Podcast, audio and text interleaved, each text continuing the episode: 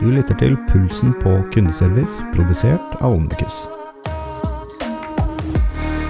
Hei, mitt navn er Eivind Jonassen, og i denne podkasten vil vi ta temperaturen på kundeservicebransjen og intervjue personer som har meninger om både hvordan kundeservice bør drives, og ikke minst høre om deres egne erfaringer. Og med det så setter vi i gang dagens episode. Men da er klokka ni, så jeg tenker vi setter i gang dagens webinar, som er eh, temperaturen på kundeserviceprisen del fire. Og som alltid så har jeg med meg kundeserviceprisens bestefar, Jan Sverre fra Siu. Og velkommen, Jan Sverre. Takk skal du ha. Takk skal du ha! Ja. Du, jeg ønsker å starte med det alle sammen egentlig lurer på. Hvem er det som egentlig vinner? Ja, nå skal du høre. Um, det tenkte jeg å si litt om uh, til slutt i dag. Um, så jeg vet jo hvem som vinner. ja. Um, hvordan, har, uh, hvordan har tingene vært underveis, disse fire månedene som har gått? Det har vært si, det har vært veldig spennende, det er det jo sånn sett hvert år, men, men, det har vært ekstra spennende i år. Og noe av grunnene til det er jo det at det har vært mange faktorer som har påvirka hvordan det har vært å drive kundesenter. Da. På mange måter gjennom disse fire månedene. Um, og snakket med noen eh, ledere i noen kundesentre rundt omkring. og, og sånn, si, I gamle dager da, i hermetegn, så var det jo ofte sånn at uh, man visste at liksom, når skolen starta, så ble det uh, stor trafikk om det. Og så rett før jul så var det sånn, og så kom det en faktura. så var det, det var, Bølgene kom liksom i sykluser som du, som du visste om, da, så det gikk an å planlegge for det.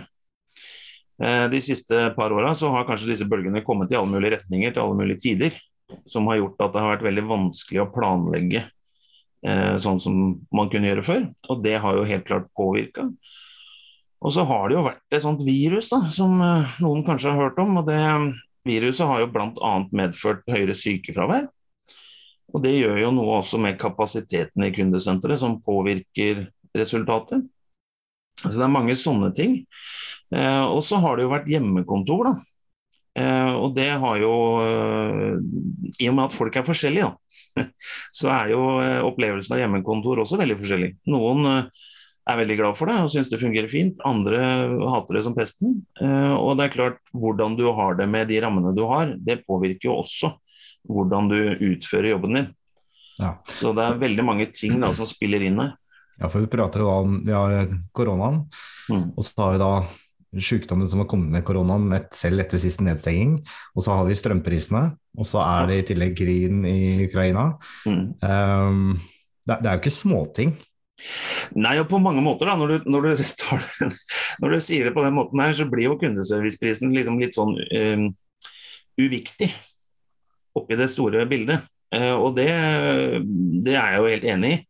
Samtidig da, så er det jo ikke sånn at vi kan på en måte skylde på koronaen eller skylde på Ukraina eller skylde på syk sykefravær eller et eller annet. fordi for den kunden som er i kontakt med et kundesenter, akkurat når den tar den kontakten, så er det det viktigste i hele verden for den kunden. Selv om det er krig i, Ukraina.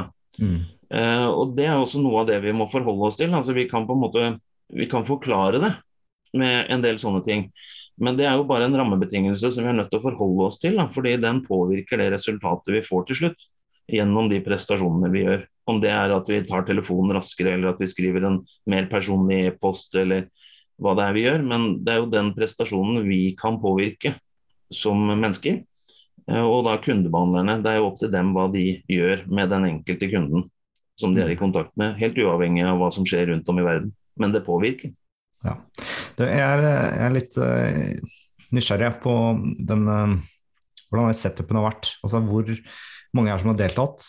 Hvem er det som har kontakta? Altså, hvem er disse menneskene som har tatt kontakt med disse kundesentrene? Og litt kanskje hvordan dialogene har fordelt seg utover de forskjellige kanalene osv. Har du det har vel forberedt noen ting, håper jeg? ja, vi får se hva vi finner, da. Se hva vi kan få til her på Zoom. Der skulle det skje noe.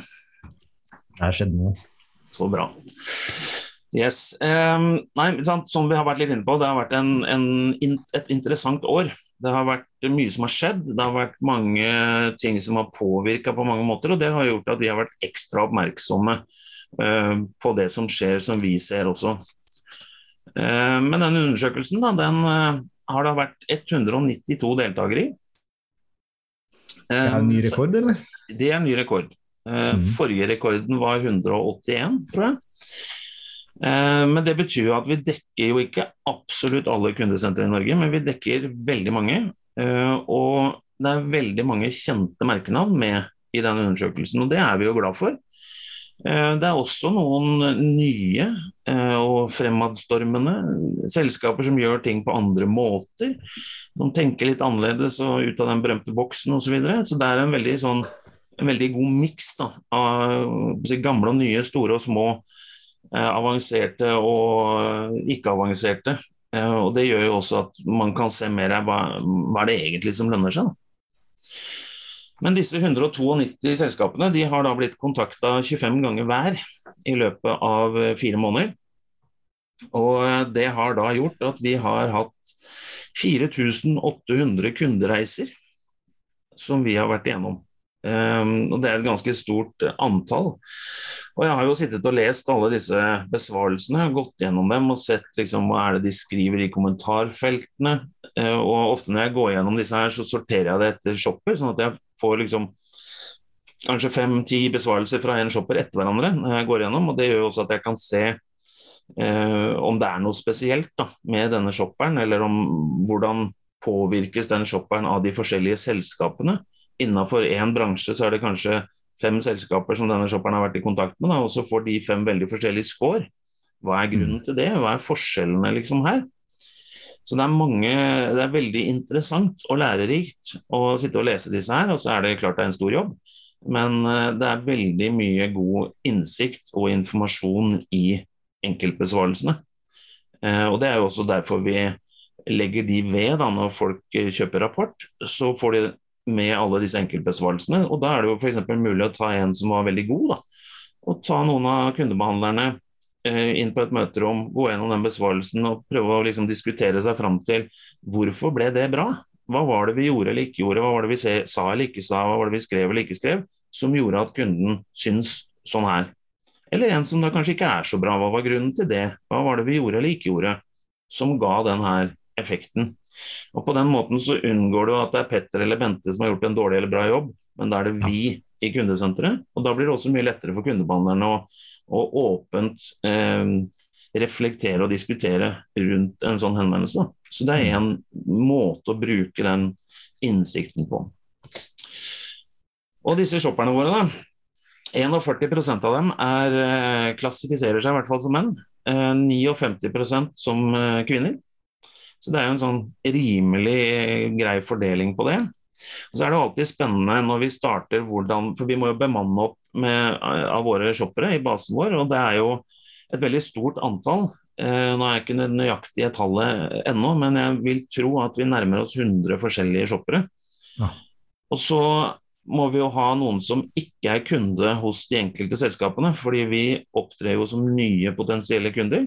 Og Det betyr at hvis du har et medlemskap et eller annet sted, er kunde et sted, eller sånne ting, så kan du ikke kontakte det selskapet, for da er du ikke ny kunde. Eh, og Det betyr at vi vet jo ikke før vi starter hvem som kan gjøre hva. Eh, og I løpet av fire måneder så er det jo folk som bytter mobilselskap og forsikringsselskap og eh, alt mulig sånn. Så det er en, en stor logistikkoppgave da, å få alt dette her til å gå rundt. Så vi er alltid spent på hvordan det ender opp. Men vil det si det samme som at disse mystery-shopperne aldri har vært i dialog med selskap før? Ja, Det er litt sånn varierende. Um, fordi det, det, Hvis du f.eks. tenker hotell, da, så kan du ha bodd på et hotell. Men hvis du er medlem i det hotellets uh, kundeklubb, mm. så er du jo registrert. Så det, er, det, varierer litt fra selskap til selskap. Og så har du jo sånn som det offentlige. Uh, hvis du er mystery shopper, så betaler du jo skatt. Uh, det betyr jo at du er kunde hos skatteetaten. Ja. Så det er, eh, det er, jo ikke en fasit på noe av det vi driver med. Og så handler det om å gjøre det mest mulig fair for alle selskapene. Og det er jo noe av det vi er opptatt av. Mm. Noe av det vi jobber mye med shopperne. Men én ting er kjønnsfordelingen. En annen ting er jo aldersfordelingen. For det er jo også interessant for oss at det også reflekterer befolkningen i en eller annen grad. Og det her er fordelingen i år. Og da ser vi jo at vi har en tyngde fra 30 år og oppover, da. Som betyr at de aller fleste av de shopperne som har vært i kontakt med deltakerne, de er eh, voksne og godt voksne. Mm. Eh, og, det tenker vi at er relativt relevant. Ja, og antageligvis kjøpsterke òg, ikke sant. Eh, sikkert etablert familier, hus, hytte, ja. hva enn det nå skal være. Mm. Ja, det, det, er i hvert fall noe jeg har merka. At det er, det, det er, flere ting du har behov for når du blir eldre, enn det du hadde når du var 18-20. Helt riktig. så, så, det har noe med det, da. Med det utvalget du er opptatt av, av varer og tjenester også. Men uh, det her er jo, og det er jo litt tilfeldig at det ble sånn her, men det sier også noe om om fordelingen blant våre shoppere. Da. At vi klarer å levere en såpass god spredning, og at det også er shoppere fra hele Norge. Mm. Og Det betyr jo også at de har forskjellige bakgrunner, de har forskjellige erfaringer og de har forskjellige forventninger. Og Det er jo det som vanlige kunder har også. Og, Det er noe av det som, som vi tror er med på å styrke den innsikten. At det er så alminnelige kunder som mulig. da. Uh, og så får vi mer detaljert informasjon enn det en alminnelig kunde vil kunne gi dem. Og så var det denne fordelingen, da. Vi har jo, eh, som vi har snakket om før, vi har en, en uh, fordelingsnøkkel eh, som er basert på trafikken på kundesenteret i Norge, sånn røftlig. Eh, og så fordeler vi da i forhold til deltakerne hvilke kontaktmåter har de. Vi starta jo med å gå på hjemmesidene deres og se er det telefonnummer, e-post, er det noen chatmulighet. Og også på Facebook har de aktivert knappen på Messenger, at du kan kontakte dem der. Og så har vi brukt det som utgangspunkt for den kontakten vi har gjort med dem. Og så kontakter vi dem på inntil tre av disse fire månedene. Så 52% av henvendelsene har vært på telefon. 15% har vært på e-post, 25% har vært på chat, og av de 25 så er 29% chatbot. Mm. Um, og så er det jo i den chatbot-delen så er det jo også en blanding av liksom uh, bare chatbot eller chatbot og menneske. Og så Etter hvert så skal vi også se på om det er noen forskjeller på det, da, som vi kan se på en gang senere. Mm. Og 9% av henvendelsene har vært på Messenger. Og um, ja, vi har jo snakka om Messenger før. Det er jo noen som lykkes veldig veldig bra på Messenger, og så er det noen som bør slutte med det med en gang. For det er uh, Det er fascinerende dårlig kundeopplevelse. Ja. Det, altså, ut fra det du har fortalt gjennom de fire månedene her, og tenker litt på i fjor òg, så, så, virker det nesten som om det er, det er liksom en kanal som bare har bare blitt der, men aldri blitt tatt inn i varmen, på en måte. Ja, og Det er kanskje noe av forskjellen, da, for de som gjør det veldig bra, de gjør det veldig bra. Uh, mm. og, og, Det er jo helt fint, og det må jo være en eller annen grunn til det. Det er jo ikke tilfeldig at de er dyktige på det, men da kan det være som du sier da, at de har faktisk tatt det inn i systemet. De har folk som er opptatt av den kanalen, som sørger for at den blir besvart. Det kan være mange sånne ting. Og så er det da noen som kanskje har en markedsavdeling da, som, som, har aktivert denne knappen, og så var det ingen som tenkte på hvor havner disse svarene, eller disse henvendelsene hen. Så det er veldig mye forskjellig, og det er mye mer forskjellig på Messenger enn det det er på de andre kanalene. Mm. Uh, og det kan jo være fordi den er uh, nyere og litt annerledes og osv. Men uh, det er hvert fall, jeg tror i hvert fall det er en god idé å ta en liten sånn revisjon av aktiviteten på Messenger. Ja, jeg vil, tro, jeg vil, tro, det henger litt sammen med at det er litt sånn silobaserte avdelinger her. Kundeservice for seg og, og, markedsføring for seg, og så er det markedsføring som egentlig har tatt steget, og så ble det med det. Ja, og, og, Hvis du da tenker deg at du er på Facebook, da, og så er du interessert i et eller annet, du er opptatt av et eller annet, og så ser du det selskapet. Hvis den eh, Messenger-knappen da går til kundesenteret, eller om den går til en markedsavdeling som har gått hjem for dagen, eller et eller annet, det vet jo ikke du som kunde. Du er jo bare interessert i å få svar på et eller annet. Mm. Og, og, Det er også noe av det tror jeg som blir feil noen steder. Da, fordi det er vanskelig for en kunde å forstå eller å forholde seg til og forvente Ehm, en respons da, når de ikke egentlig vet hvor denne meldingen går, og de antar at den går til noen som kan svare. Mm. Så Der er det mye forskjellig. og Det, det er derfor jeg sier at den Messenger er, kan det være en god idé å ta en liten revisjon på. og så I tillegg så er det noe med noen personverninnstillinger som også noen uh, har vært innom. og Dermed har de lagt ned sin Messenger-kanal fordi at det har vært noen problemer med, med personvern. Og så var det jo det der med å ikke få svar, da. På telefonen så venter vi fem minutter, så prøver vi en ny dag og venter i fem minutter igjen. Svarer du ikke da, så er det ikke svar, og da får den henvendelsen null i score. 17% av telefonhenvendelsene vi har gjort eh, i årets utgave, har vi ikke fått svar på. Det er et veldig stort antall. Ja, det er mye. Og eh, Det betyr jo også at det er veldig mange, for det er jo bare våre, da, 25 eh, henvendelser til et selskap. og Hvis du da har 17% av de, da, så sier du har 4-5 Eh, av 25 som ikke svarer, så begynner jo det å bli en, et betydelig antall kunder, hvis du tenker på alle de kundene som var i kontakt i samme perioden. Eh, og Det er jo derfor det er en, en, utfordring. Og så er det noe også med at det er noen steder du på en måte vet at du må vente lenger, og så venter du lenger. Vi gjør ikke det fordi vi har våre rammer, og så forholder vi oss til de, og så er det likt for alle, og så passer det ikke helt for noen. Eh, men for vanlige kunder så kan det selvfølgelig være sånn at du vet at du må vente lenger til et selskap enn til et annet. Um, og så er det jo mange som sier f.eks. at ja, men i vår bransje eller sånn, så er det standard. Og det er jo fint. Men det som har skjedd de siste to årene også, tror jeg, er jo at folk har vært mye mer i kontakt med kundesenteret. Fordi vi har vært uh, hjemme. Vi har, butikker har vært stengt, det har vært færre muligheter til å være ute og, og være fysisk. Og dermed så har også kundesenteret fått henvendelser fra personer som ikke kanskje har vært i kontakt med dem før.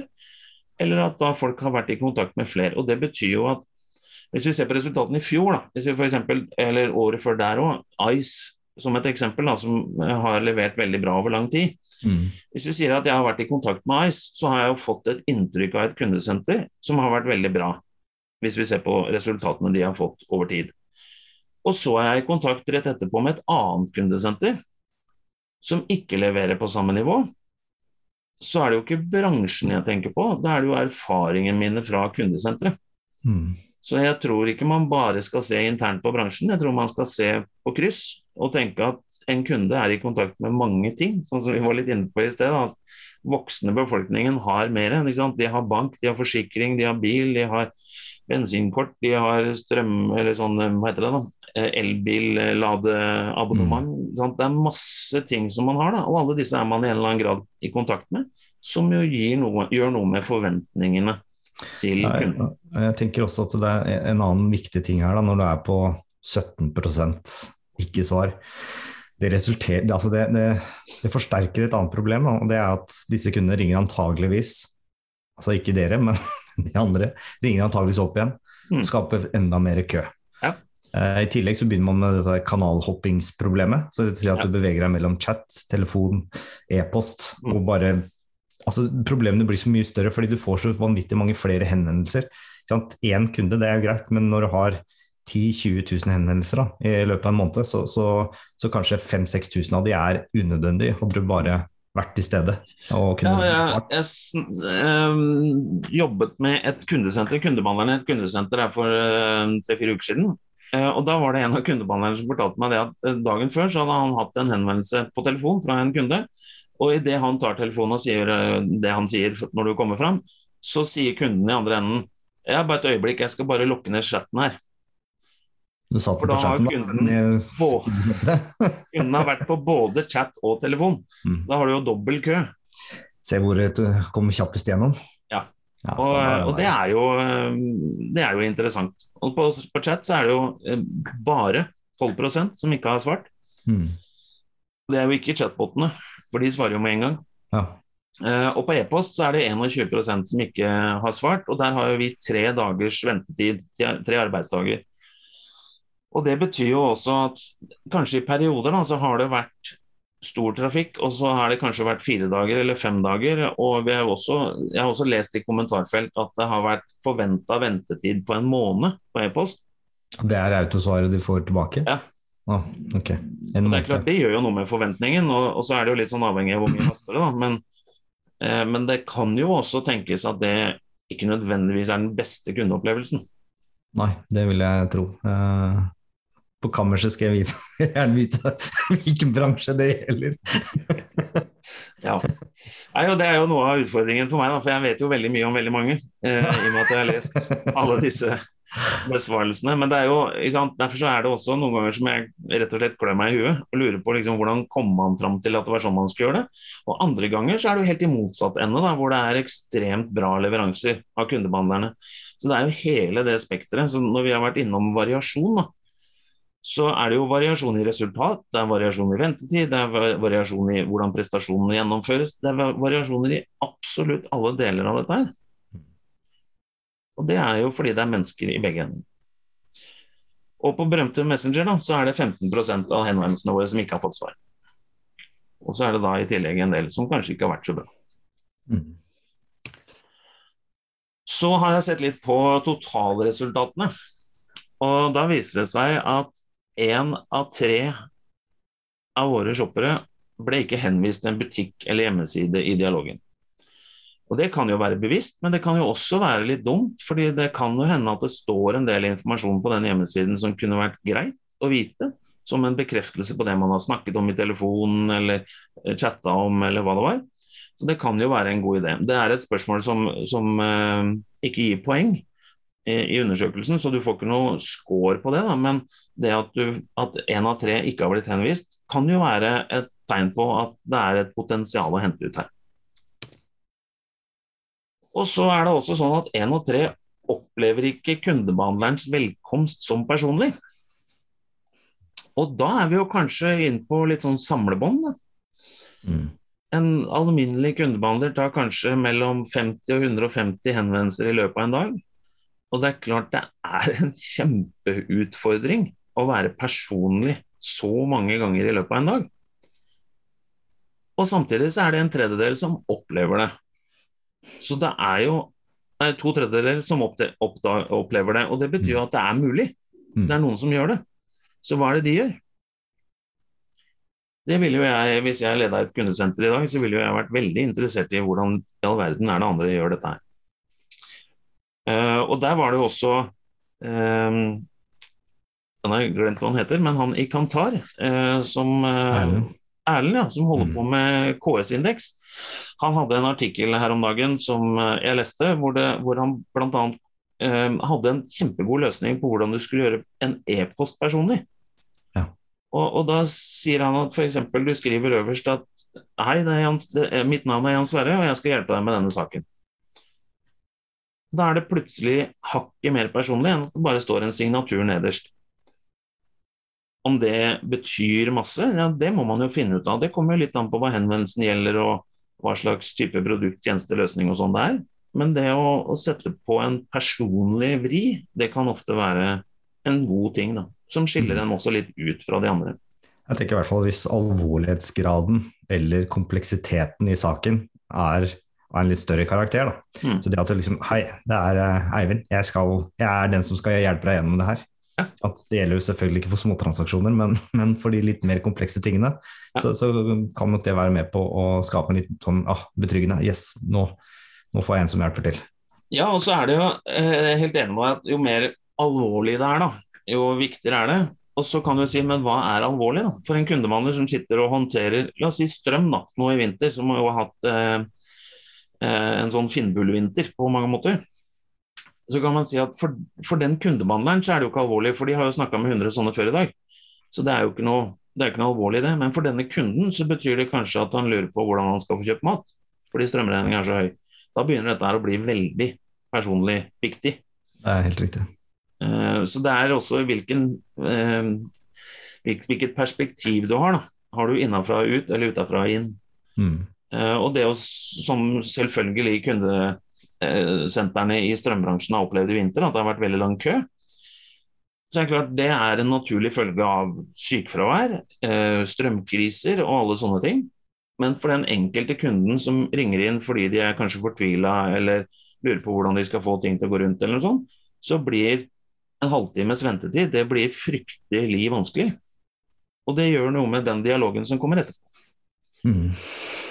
Og, der, Da er jeg jo glad for at jeg ikke jobba i de kundesentrene, men samtidig så er jeg jo imponert over eh, mange sånne drypp rundt omkring som jeg har sett om hvordan de har måtte, holdt humøret oppe, da, disse kundebehandlerne. For det er en kjempetøff jobb, og da er jo jeg imponert når de får det til.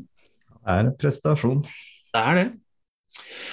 En tredjedel opplevde heller ikke at kundebehandleren styrte samtalen på en god måte. Eh, og kundebehandleren er jo den profesjonelle parten. Så det å ta kunden i hånda og lede den gjennom den skogen som du jobber i, det kan jo være en god idé. Eh, og jo mer komplekst det er, jo viktigere er det jo. Eh, og det at kunden tror han vet, betyr jo ikke at han vet. Så det er det å styre samtalen og ta kontroll, det gjør veldig mye med kundeopplevelsen. Det er veldig lett for en kunde da å tenke åh, det var deilig, nå er det noen som hjelper meg her, og som tar meg i hånda. Mm. Og så kan de slappe av. En tredjedel opplevde heller ikke at kundebehandleren var opptatt av om de hadde fått den hjelpen de trengte, eller hadde forstått budskapet. Og på en måte helt naturlig, da, fordi en kundebehandler har jo snakka om dette her i flere uker. Hver dag, mange ganger. Så for dem er det helt naturlig. Men så kan det jo bli sånn at man snakker litt eh, fagspråk, eller man bruker noen TBF-er som kunden kanskje ikke vet, eller man legger det på et nivå teknisk som kunden kanskje ikke helt skjønner, og så kan det være litt flaut å si det, jeg forstår ikke hva du sier.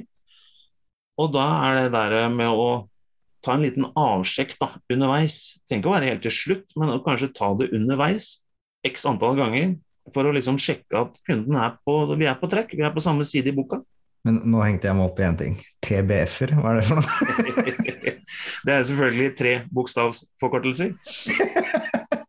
Greit. Eh, og det der, der ser du jo, det er jo et eksempel da, på hvor fort gjort det er å bruke ord som man vet hva betyr selv, men som ikke nødvendigvis kunden vet. Uh, og så har du jo kunder alle, av alle typer. Du har noen som er ekstremt opptatt av det du som kundemann jobber med, og som kan alt mulig, og som kanskje kan mer enn deg. Og så har du de som ikke har peiling. Og så har du sannsynligvis de fleste et sted imellom. Og, og, det er jo den, den derre evnen da, til å hele tida justere hva du sier, hvordan du sier det og osv. for en kundebehandler, det er jo det som skiller de aller beste fra de som ikke er så gode. Og en tredjedel opplever ikke å bli stilt spørsmål om sine behov. Det, jeg har snakka om det før, i flere år. Eh, mange år, faktisk. Og det, jeg syns jo det er litt fascinerende. For hvordan i all verden vet du at jeg vet hva jeg egentlig lurer på, når du ikke har stilt meg et eneste spørsmål. Og det kan hende du treffer. Det kan også hende at du bommer. Og så er det den andre delen av det å stille spørsmål. Det handler jo om å få meg som kunde til å fortelle meg selv hva jeg egentlig eh, lurer på, og hva jeg har behov for. For jeg kan jo ha behov for mange ting, men hvis du som kundebehandler er god på å stille meg relevante og gode spørsmål, så vil jeg fortelle meg selv og deg at det er det her jeg lurer på. Det er B og C, ikke A, D, E og F, men bare B og C. Og så blir det mye lettere for deg som kundebehandler også å få den dialogen til å handle om det som jeg faktisk har behov for, og ikke alt mulig annet. Én av fire det er jo færre da, enn én av tre, så det er jo litt bedre. Men én av fire opplevde ikke at kundebehandleren var engasjert i dem. Nei, og, og, da kan du si etter 100 dialoger en dag, så kan det være litt vanskelig å få fram det engasjementet. Det kan jeg godt forstå. Så hvordan jobber vi da med kundebehandlerne, teamledere og ledere i kundesenteret for å hjelpe dem til å ha den energien og det engasjementet gjennom hele dagen? Sånn at kundene opplever det. Og så handler det også litt om det å stille spørsmål. For Hvis du ikke stiller spørsmål, så opplever jo ikke jeg at du er så veldig interessert i meg. Mm. Altså heller ikke så veldig engasjert i meg. En av fire opplevde ikke å få god veiledning og rådgivning. Kundebehandleren som den profesjonelle parten her, da. Den som jo liksom skal vite. Så kan det godt hende de vet, men en fjerdedel av disse her har da ikke klart å få det frem så jeg som kunde opplever det.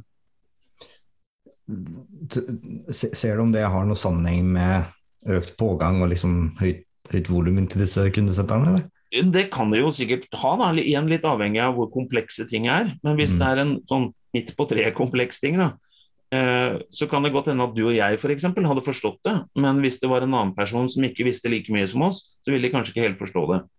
Også fordi de ikke fikk god veiledning og rådgivning, så kan det hende at de da ikke helt lykkes med det de skulle. Ja. Og så Da skjer det jo gjerne at de blir sure på det selskapet, og så gidder de ikke å handle der mer, og så går de et annet sted. Eller de må kontakte igjen da, for å få enda mer hjelp. Mm. Og begge deler er jo ikke nødvendigvis bra for kundesenteret. Og mye av det da kan løses ved å gi dem god veiledning og rådgivning, ved å sjekke om de har forstått, og om de har fått svar på alt og sånne ting. Liksom pakke dette her inn igjen. Jeg vil gjerne ta vare på deg, kjære kunde. Mm. Uh, og da er det mye lettere også for kunden å komme med tilbakemeldinger om at det er et eller annet de lurte på. Skjønte kanskje 90% men den siste 10 den trenger jeg en gang til. Én av fire ville ikke handla med selskapet om de hadde hatt behov. Det er kjipt. Skal vi bare la den synke inn, liksom? Altså jeg, jeg, jeg vet nesten ikke helt hva jeg skal si, men eh, det er, det er, nå, nå har du en tredjedel på forrige sliden, en fjerdedel her. Det, det, er jo sånn sett ganske alvorlig, fordi hvis du har et kundesenter da, og 10 000 henvendelser per måned, for å liksom ta noen runde tall her, så prater vi da om at mellom 2500 og 3333 personer, eller da potensielle kunder, som da opplever disse tingene her Mm. hver eneste måned. Mm. Og hvis vi da for enkelhets skyld setter en livstidsverdi da, på kunden på ja, ta 1000 kroner, da, så blir jo Vi snakker da mellom 2,5 og 3,3 millioner kroner. Da. Potensielt tapt hver eneste måned. Eller potensielt ikke tjent. Ja. Og det, sånn det er jo sykt mye penger som Ja. ingen måler.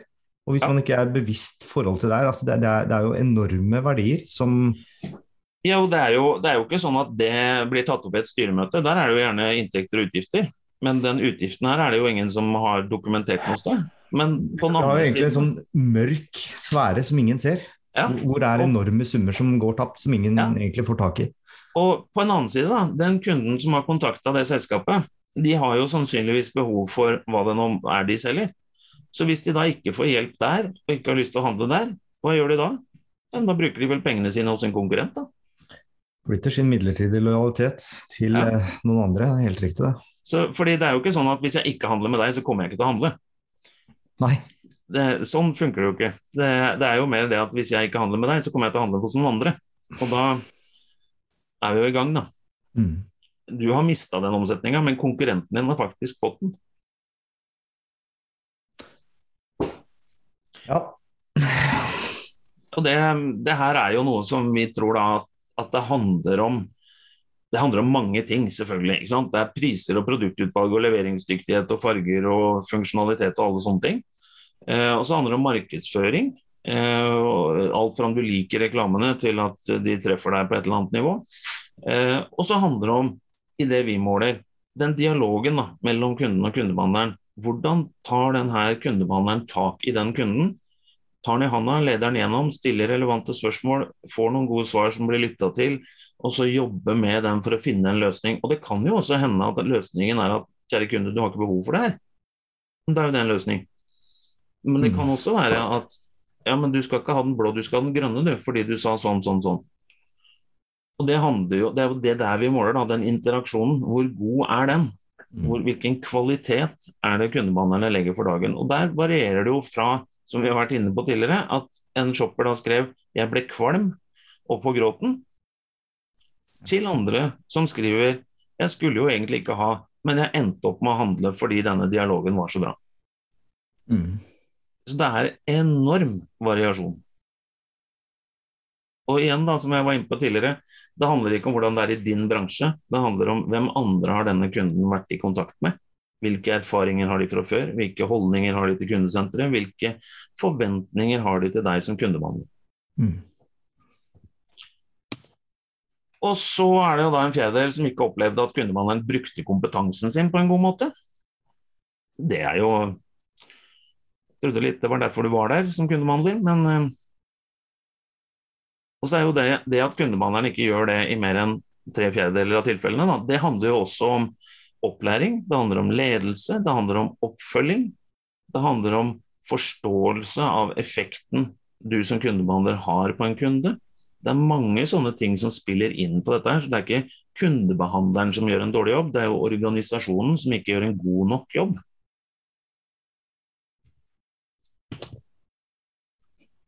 Og en fjerdedel følte seg ikke verdsatt som ny kunde i dialogen. Mm. Og Hvis du er monopolist, så kan jo det være greit nok, men hvis du er et privat selskap i konkurranse med andre, så er det jo litt dumt. Da er vi tilbake til de her 2,5 millionene i måneden da, Mm. som potensielt kunne vært innkommende, eller ikke. I best fall. Og Det her er jo derfor jeg syns det er så viktig, fordi den jobben som Mm. kundebehandler er jo beintøff. Det er masse henvendelser, det er bare forskjellige kunder. Det er alle mulige varianter av kompetanse hos kundene, forståelse og alt mulig sånn. Og så er det jo bare et menneske selv, så du varierer jo gjennom dagen hvor bra du har det, og hvor opplagt du er, og hvor engasjert du er, og, og alt mulig. Eh, og det er ikke lett å holde en eh, standard som er sånn at alle kundene sitter igjen med omtrent den samme gode følelsen når dialogen er over. Men så ser vi jo at det er mulig. Og Hvis vi da går videre til eh, noen resultater, da. Du var jo litt inne på at du ville vite hvem som eh, vant. Kommer det nå? Vi kan i hvert fall si at eh, hvis, du, hvis du skal sette opp et nytt kundesenter nå, så er det aller viktigste det er å sørge for at telefon fungerer sånn som det gjør med de andre. 87% her, det er scoren i gjennomsnitt på velkomst og mottak. For kundebehandlerprestasjonsområdet så er scoren 83% på telefon. Og totalinntrykket våre folk sitter igjen med, det er da en score på 80. Så det synker da med 7 prosentpoeng gjennom eh, dialogen.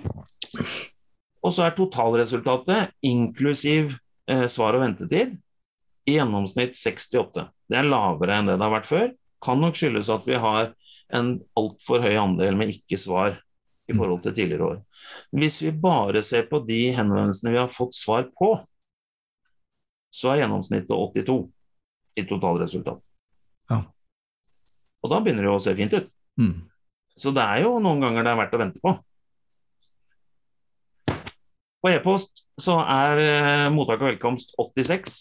Kundebehandleren 74. Der ser du der dropper det mye mer ned, for det er mye vanskeligere å ha en god dialog på skrift. Mm. Og totalinntrykket da 73. Totalresultatet for alle e-posthenvendelsene er 60. Og hvis vi tar bort de som vi ikke fikk svar på, så rykker vi opp på 78. Hmm. Så da begynner det å nærme seg telefon. På chat så er mottak og velkomst 76, kundebehandleren 71. Så den dropper ikke så mye som e-post. Og det kan ha noe å si med at e-post det tar lang tid. Da. Det er jo ikke en dialog, det er en seriemonolog. Mm. Um, og Det betyr jo også at det, er, det skjer noe i mellomtiden. Da. Mellom hver gang jeg får svar av deg, så, så har jeg opplevd noen nye ting. Mens med chat så er det en dialog litt mer sånn som telefon, da, selv om det er på skrift. Og totalinntrykket 67, det er jo da dårligst hittil, men uh, sånn er det. Og totalresultatet 63, eller 72 da uten de som ikke svarte. Mm. Og Messenger så er det sånn noenlunde greit eh, mottak og velkomst. Og så ramler vi nedover når kundebehandleren kommer inn. Og det skyldes jo ikke alle kundebehandlerne på Messenger. Det skyldes jo at de som er gode, de er gode. Men det er ikke så mange av dem. Så opplevelsen vi får av kundebehandleren på en del Messenger, er veldig dårlig. Jeg, jeg, jeg skjønner ikke at det ikke du får, I hodet mitt så burde man hatt samme score som på livechat, for det er jo samme mekanismen, egentlig. Ja, sånn I utgangspunktet så er det jo litt samme naturen, da. Eh, Så det er jo litt rart at det er så dårligere, men det kan jo da skyldes at man har andre måter å jobbe med Messenger på. Det Kanskje, er marked som gjør det, ikke kundeservice. for eksempel. Så totalresultatet blir da 56 eller 66 uten de vi ikke fikk svar på. Så den er jo desidert dårligst. Og det er jo eh, nesten 20 poeng opp til telefon. Mm. Eh, Og det er klart, sånne ting vil jo påvirke kunder over tid, og særlig når det er mange kunder. Og Det er jo noe av grunnen til at det er viktig å jobbe med utvikling av kundesenteret. Og da ikke bare fysisk, men også mentalt med kundebehandlerne.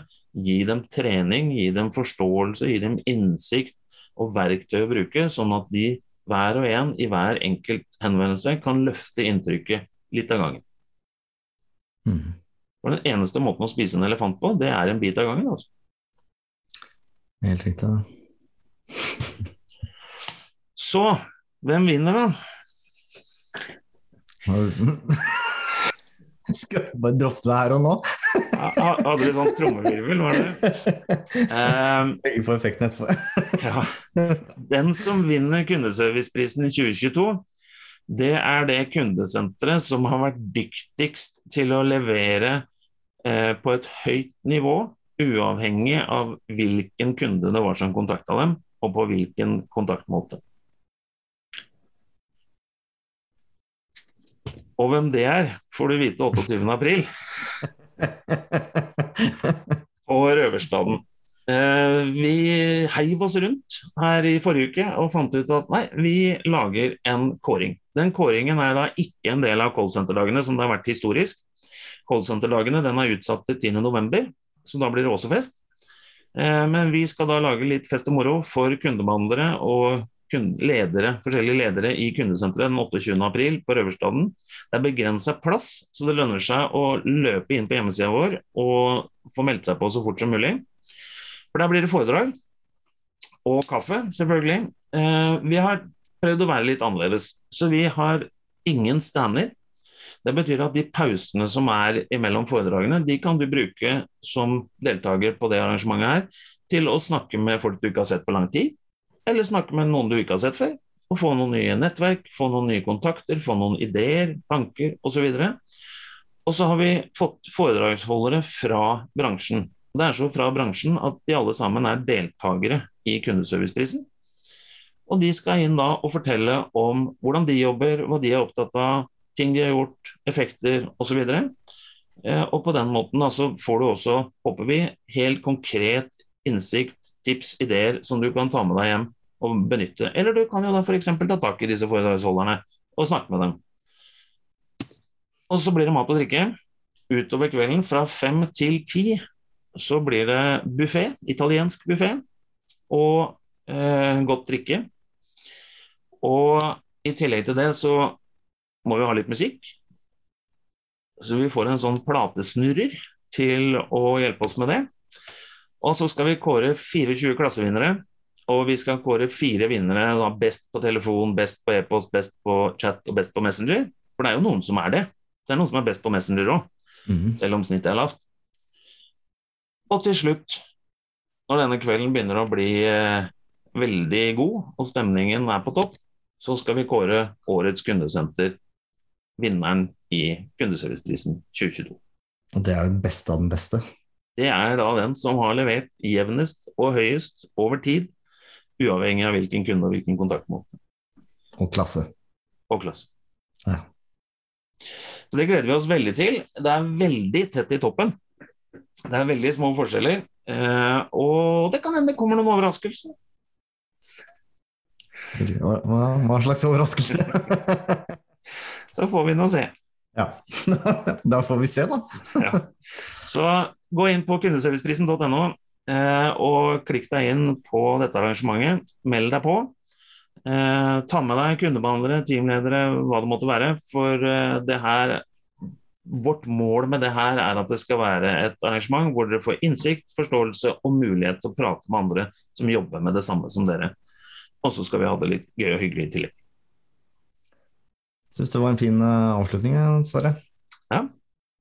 Så bra. Det, så tenker jeg vi kan eh, runde av, og så er det jo ikke vits å si lykke til, fordi nå er vi jo ferdige. Men lykke til videre med den jobben som allerede gjøres. For Ja.